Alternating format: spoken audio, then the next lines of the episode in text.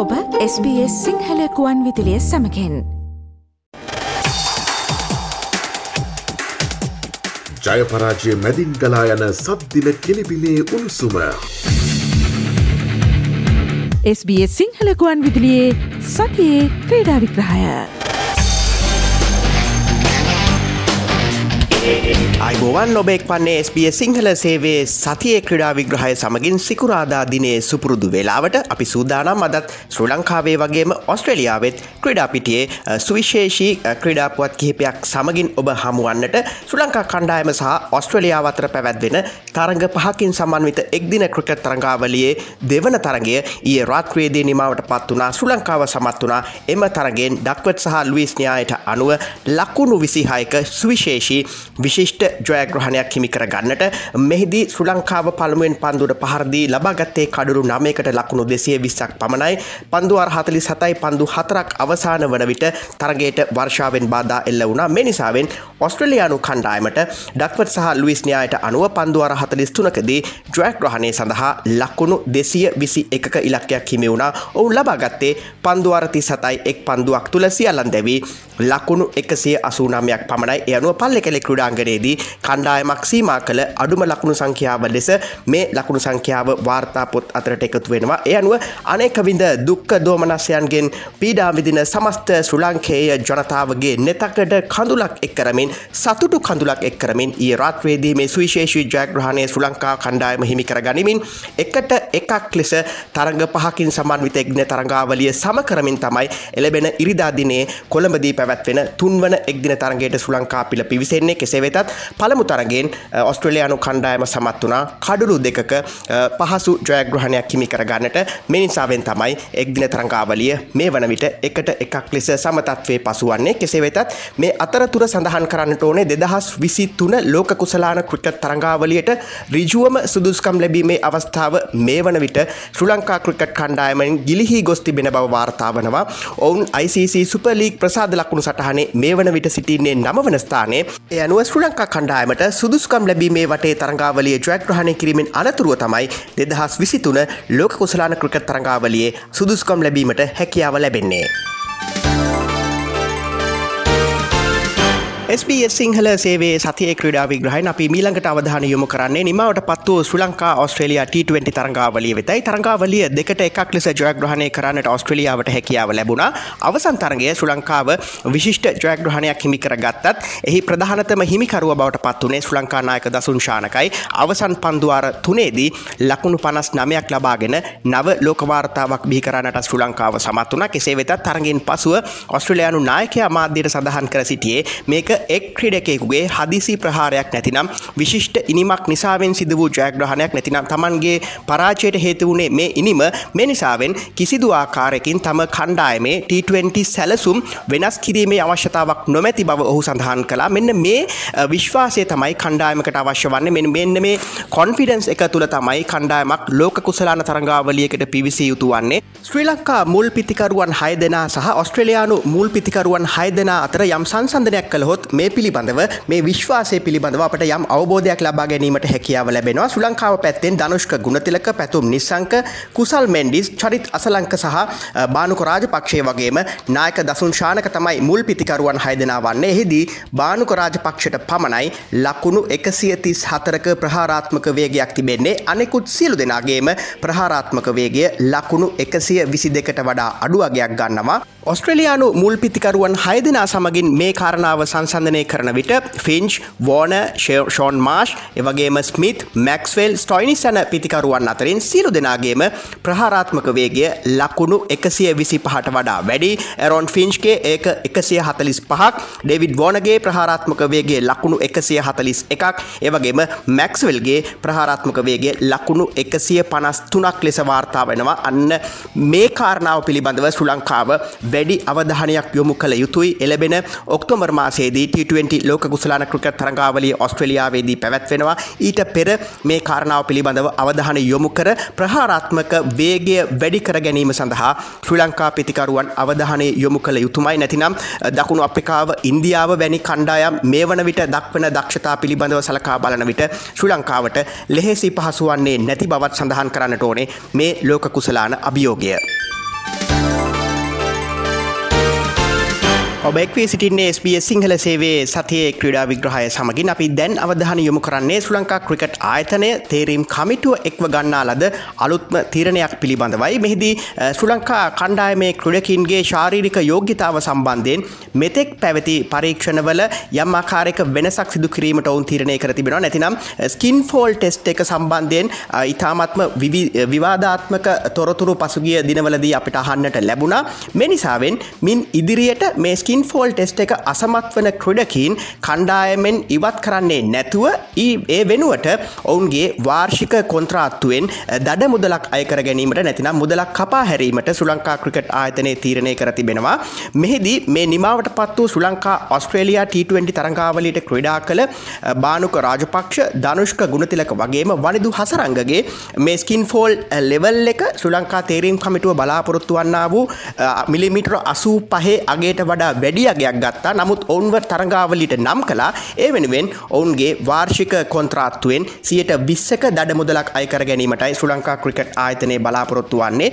යම්මාකාරයකින් මේ ක්‍රඩකින් දෙවන තුන්වන සහ සිව්වන අවස්ථාවලටත් මේ ආකාරෙන්ම ස්කින් ෆෝල් ටෙස්ට එක අසමත් වූහොත් ඔවුන්ගේ වාර්ෂික තරග කොන්ත්‍රාත්තුවෙන් සියට හතලයක් සියට හැටක් සහ සියට අසුවක් දක්වා කපා හැරීමට ශ්‍ර ලංකා ක්‍රිකට් ආයතනය තීරණය කර තිබෙනවා. එය අනුව ඉදිරියේදී ශාරීරික යෝග්‍යතාව සම්බන්ධයෙන් දැඩි අවධානයක් යොමු කිරීමට ක්‍රඩකයින්ට සිදුවන බවත් සඳහන් කරන්නට ඕනේ. බානුක රාජපක්ෂගේ ස්කින් ෆෝල් ලෙවල් එක මේ වන විට මිලිමිටර එකසිය හය දශම දෙකක් ලෙසයි වාර්තා වන්නේ.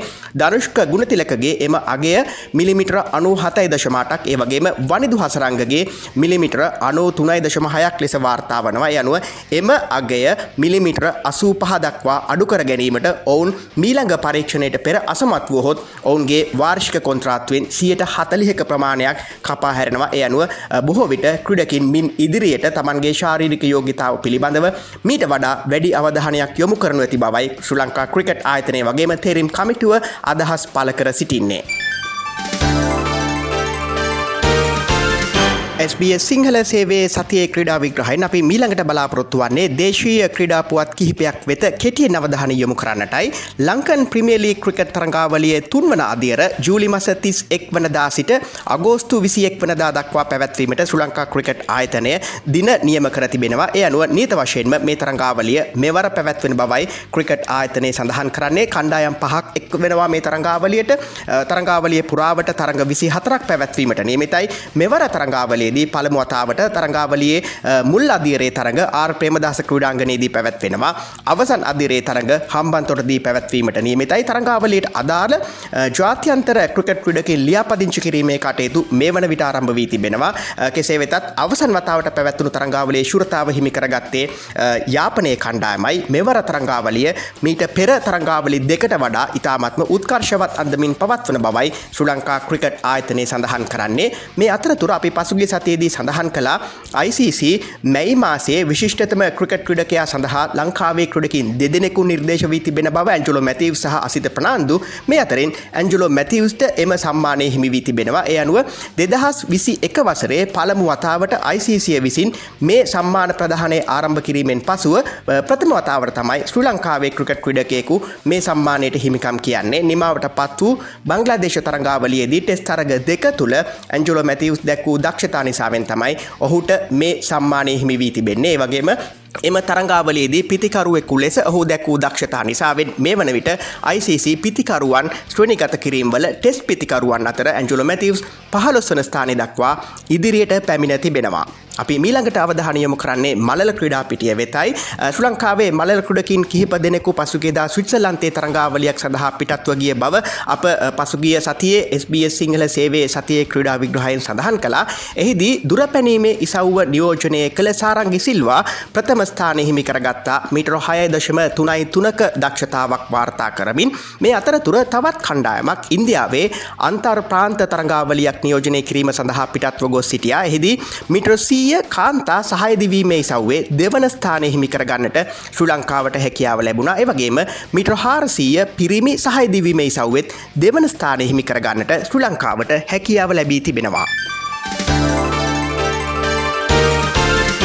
ඔබ එක්වී සිටින්නේ SBS සිංහල සේවේ සතියේ ක්‍රඩා විග්‍රහය සමගින් අපි මීළඟට අවධාන යොමු කරන්නේ ඔස්ට්‍රලයානු ක්‍රඩා පිටිය වෙතයි.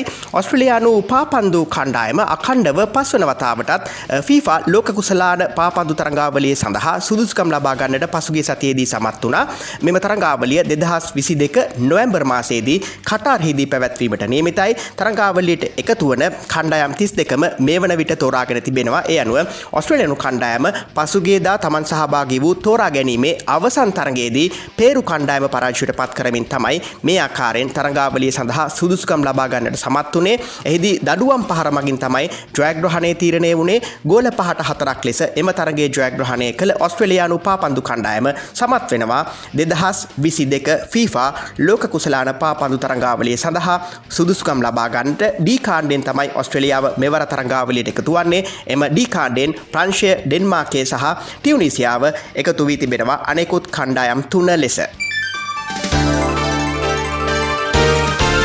මීළඟට අපි අවධාන යොමු කරන්නේ දෙදහස් විසි දෙක පොදුරාජ මණ්ඩලිය තරංගාවලියට එකතු වෙන ඔස්ට්‍රලයානු කණ්ඩායම පිළිබඳවයි. තරංගාවලිය සඳහා ක්‍රඩක ක්‍රඩිකාවන් දෙසිය හැට අට දෙනෙකු එකතුවීමට නියමිතව තිබෙනවා. එම කණ්ඩායමේ නිල ඇඳුම එලි දැක්වීම පසුගේදා සිදු කෙරුණා. තරංගාවලිය එළමෙන ජූලි මස විසි අට වනදා එංගලන්තේ බර්මිං හැම් නුවරදී ආරම්භවීමට නියමිතයි. මේවර පැවැත්වෙන්නේ විසි දෙවන තරංගාවලියයි. ඔස්ට්‍රලියාව තරංගාවලි ඉතිහාසේ සෑම තරංගාවලයක්ම නියෝජනය කර තිබෙන කණ්ඩායමක් ලෙසත් සඳහා සඳහන් කිරීමේ හැකියාව තිබෙනවා. මෙවර තරංගාවලියත් තරග ඉසව් දහසයක් සඳහා ඔස්ට්‍රලයානු ක්‍රඩක ක්‍රඩිකාවන් තරගවැදීමට නියමිතයි. මේ අතර ඔස්ට්‍රලියාවේ සිද්නිනුවර අලියන්ස් පාපන්දු ක්‍රඩාංගනය එලබෙන සැත්තැම්බර් දෙවනිදා විවෘත කිරීමට නියමිතව තිබෙනවා. පාපන්දු සැනකෙලියක් සමගින් තමයි මේ ක්‍රඩාංගනය විවෘත කිරීමට නියමිත වන්නේ. මේ නවිකරණය වූ නවතම ක්‍රඩාංගනයේ ආසන පහසුකම් තිබෙනවා ප්‍රේක්ෂකින් හතලිස් දෙදහස් පන්සියක් සඳහා. මේ ක්‍රඩාංගනය දෙදහස් විසි තුන ෆීෆා කා කාන්තා ලෝක කුසලාන පාපන්දු තරංගාවලිය සඳහා වගේම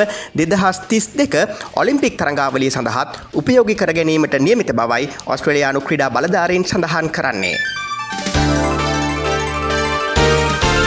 ඒ සමගින් SBS සිංහල සේවේ සතියේ ක්‍රඩා විග්‍රහයෙන් අදට අපි සමුගන්නවා හමුවමු ලබන සිකුරාදත් සුපුරුදු වෙලාවට එතෙක් ප්‍රාර්ථනා කරනවා ඩ්‍රෑග්‍රාහි සතියා.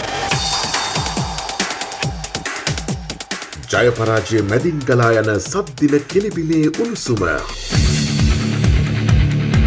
SBS සිංහලකුවන් විදිලියේ සතියේ ක්‍රීඩා විග්‍රහය.